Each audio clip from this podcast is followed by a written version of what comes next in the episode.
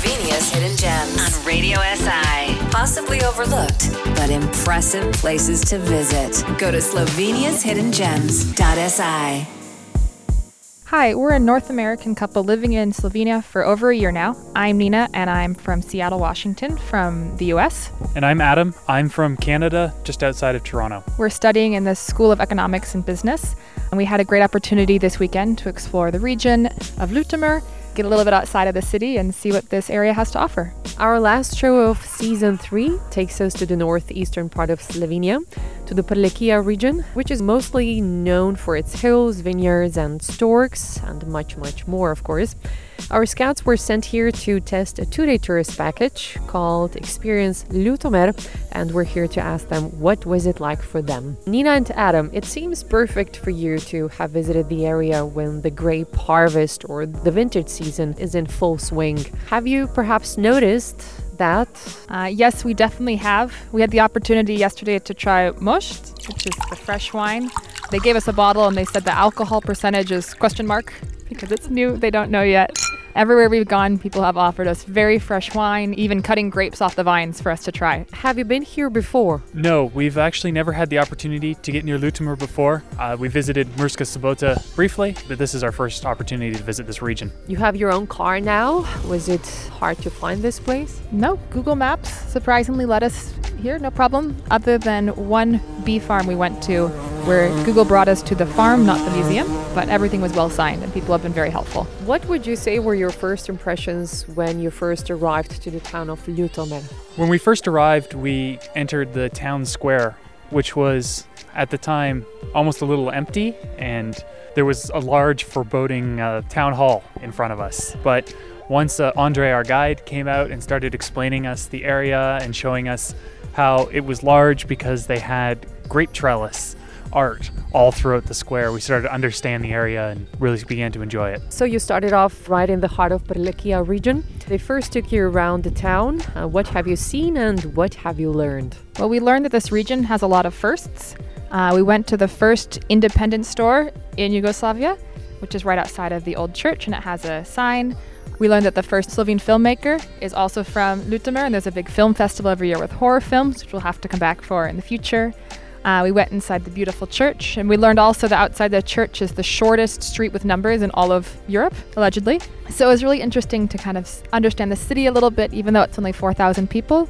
Uh, it has some really beautiful sights. Uh, now, Ljutomer and the entire Prlekija region is also known for its long tradition of horse breeding. You also learned more about that by visiting the Trotter Horse Museum. It was really interesting to see the exhibits of horse breeding through the ages, but also horse breeding and the history of pace horses here in Ljutomer. Growing up in Canada, we have pace horses racing there, but I'd never seen the history and the past behind how it started, and it was really interesting to meet the people who do the training to hear the history and also see some of the horses. Before lunch at the Frank Ozmec tourist farm, you spent a few hours at the Juman pottery. What did you do there? So when we first got there, we actually had the opportunity to make a gibanica. We learned we might need some more practice, but they told us 10 times and we'll be experts. And we got to make it in one of the traditional pots that Sasha German makes.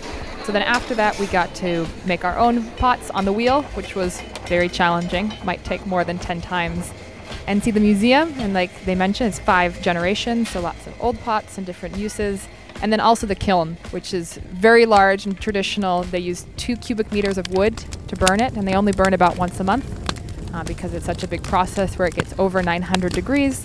Uh, and they even mentioned they invite all their friends over to cook sausages and potatoes on the fire, and it's kind of a big monthly party. I was told that you have been invited to come back in a month's time because. We made some bowls, but in order for them to be fired, they offered to mail it, but they said it's best if we come back. So I think we'll have to come back in a few weeks to pick up our bowls. I think it's time for a short music break now, uh, before we say more about the local cuisine of this area that you've just visited. We can perhaps take in some of your impressions. Slovenia's Hidden Gems on Radio SI. Go to slovenia'shiddengems.si.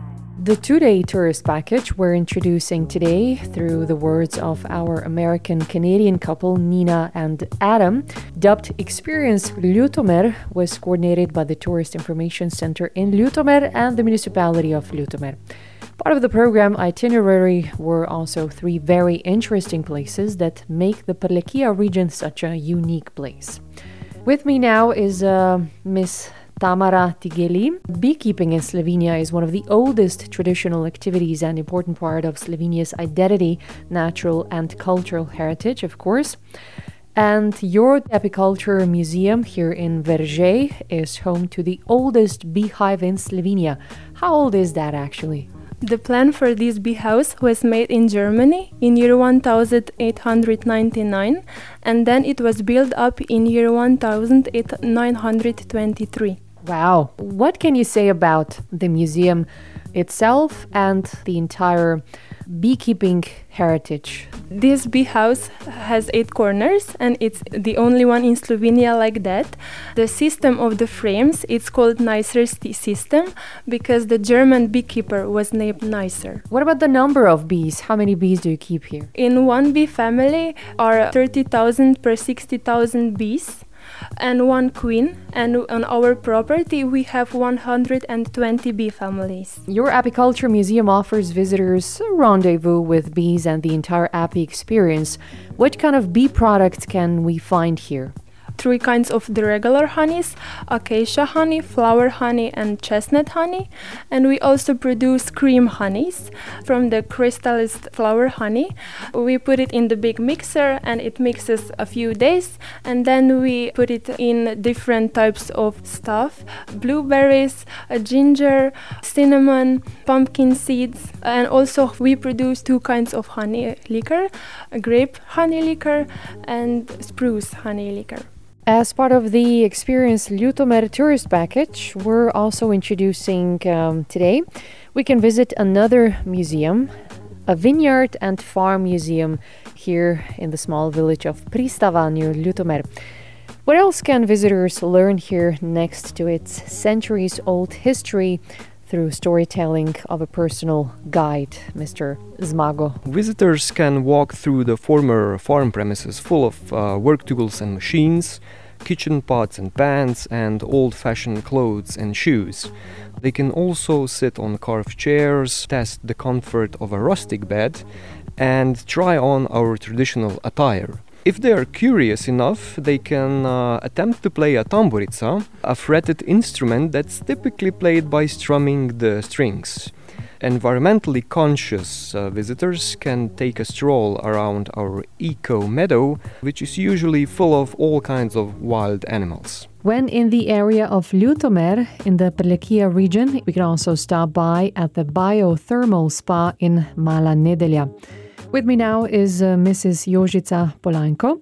You have two water sources here. One is 2,273 meters, and the other one 1,537 meters deep.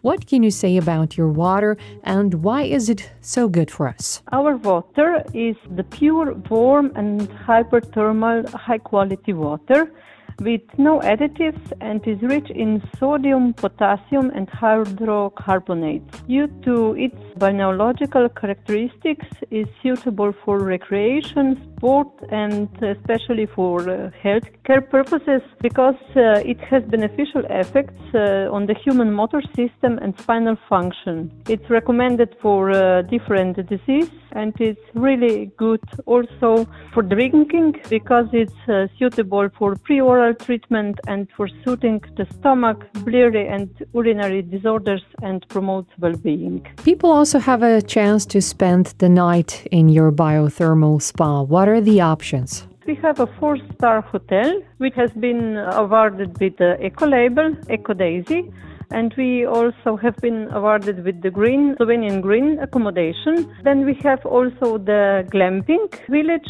where you have two different possibilities of accommodation, villas and tents. Both combinations are suitable for two, four or six persons. Then we have also the possibility for camper stops. To vote, go to Slovenia's Hidden sloveniashiddengems.si. So, welcome back to the last part of the last show of this season. We're talking to our American Canadian couple, Nina and Adam. who are wrapping up their two day visit to the Prlekija region here in northeastern Slovenia. We just had lunch at the Vinski Hram Brinholz restaurant here in Jeruzalem. How did you like it? I thought the food was excellent. We had some really traditional bread with the dough and some cracklings and some different cheeses and local meats. And the view here is phenomenal. We're sitting here overlooking a beautiful valley with the vineyards where they're currently harvesting the grapes, and you can see a little bit of mist clinging as the sun starts to rise. It's a wonderful place.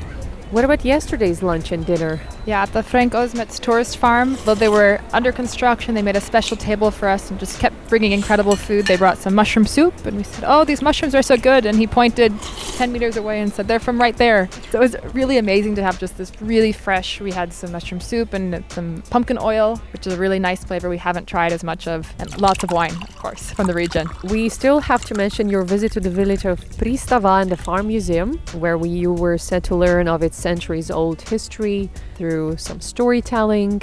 You also got a chance to play something. Adam, what was it? Yeah, it was amazing to go and hear the hundreds of years of history of farming in the village. And as well, they're keeping it alive with the folk music. And I had the opportunity to play a few of their folk instruments and try them out, and also to hear the brothers perform, as they are both very talented musicians. Could you imagine living a life like that, Nina? I know they had a room to show where one of their aunts used to live. It was definitely a different experience than I live now, but I will say quarantine I learned to crochet and I'm learning more handcraft, so maybe that's my future. you spent the night at the biothermal spine in Mala Nedelja. Uh, what was it like there? It was a beautiful location, and we were able to stay in the glamping area where they have these beautiful villas set up on the side of the hill, and it's all wonderfully lit at night, and you're able to walk directly into the spas themselves and experience the different temperature pools. As well, of course, there was more delicious food there for us to eat. You also got to know the fascinating world of bees and uh, their noble mission at the oldest beehive in Slovenia at the Tigeli Apiculture Museum in uh. It was very interesting to see how beekeeping has progressed through the ages. They have a beehive that's over 100 years old, and then they have one that's more recent, still by hand, and then they showed us the electric machines. Uh, and we were able to try some of the products they're making now with different creams and even health products as well. In the very end, right before today's lunch, you also visited the Church of the Sorrowful Mother of God, and you also got to knock on the wish bell. Well, we were told if we made a wish about wine, it had a 100% chance of coming true, and a wish about anything else was only 50%. So, of course, we had to wish for more wine. And immediately afterwards, we went in for a wonderful wine tasting with the local wines, so the bell definitely works. How do you feel now that you've wrapped up your visit? It's an absolutely beautiful area here. Unfortunately, I don't think this would have been a place that we would have maybe come to on our own without having heard about it elsewhere first. But having come here, we can highly recommend it. It's a beautiful area. The people here, not only the ones on our tour, but also just random construction worker chased me down on the street because I'd left the lights on in the car. Everyone here was just so friendly and so wonderful. Yeah, I would agree. I mean, everywhere we've gone, the people have just really gone out of their way to make us feel welcome. What would you say were some of the best moments you've had? At the Frank Ozmec farm, we were very lucky. They had just had kittens a couple weeks ago, so in between the courses of our meals, we got to play with the two week old kittens in a boot a very unique experience and kind of fun. Also, just having time to talk with the locals, like at Pristava, we got to visit with the brothers for a long time and chat about their life growing up here and kind of share travel experiences and stories. And I think that's really been a rewarding experience as well. And our listeners also have a chance to see some of the things you've seen when visiting our website. You've shared some photos with us. Would you change or improve anything? I think the only thing we'd change is giving ourselves more time. I think there was so many interesting places we went and we felt like we had to leave so quickly. So I think next time I would give myself more time to visit. So at this point, I would like to thank you, Nina and Adam, for doing this for us. I'm sure you will keep this in your uh, memories for a long, long time. In the last 10 shows, we've discovered that there are gems hidden in all corners of Slovenia, so to speak, designed to attract visitors who are not so keen on exploring touristy places, which usually attract masses. Make sure to check out our project's website, www.slovenia'shiddengems.si, to read, hear, and see more about the many beautiful places that you can visit. Introducing Slovenia's most attractive tourist offers for visitors and locals. Slovenia's Hidden Gems on Radio SI.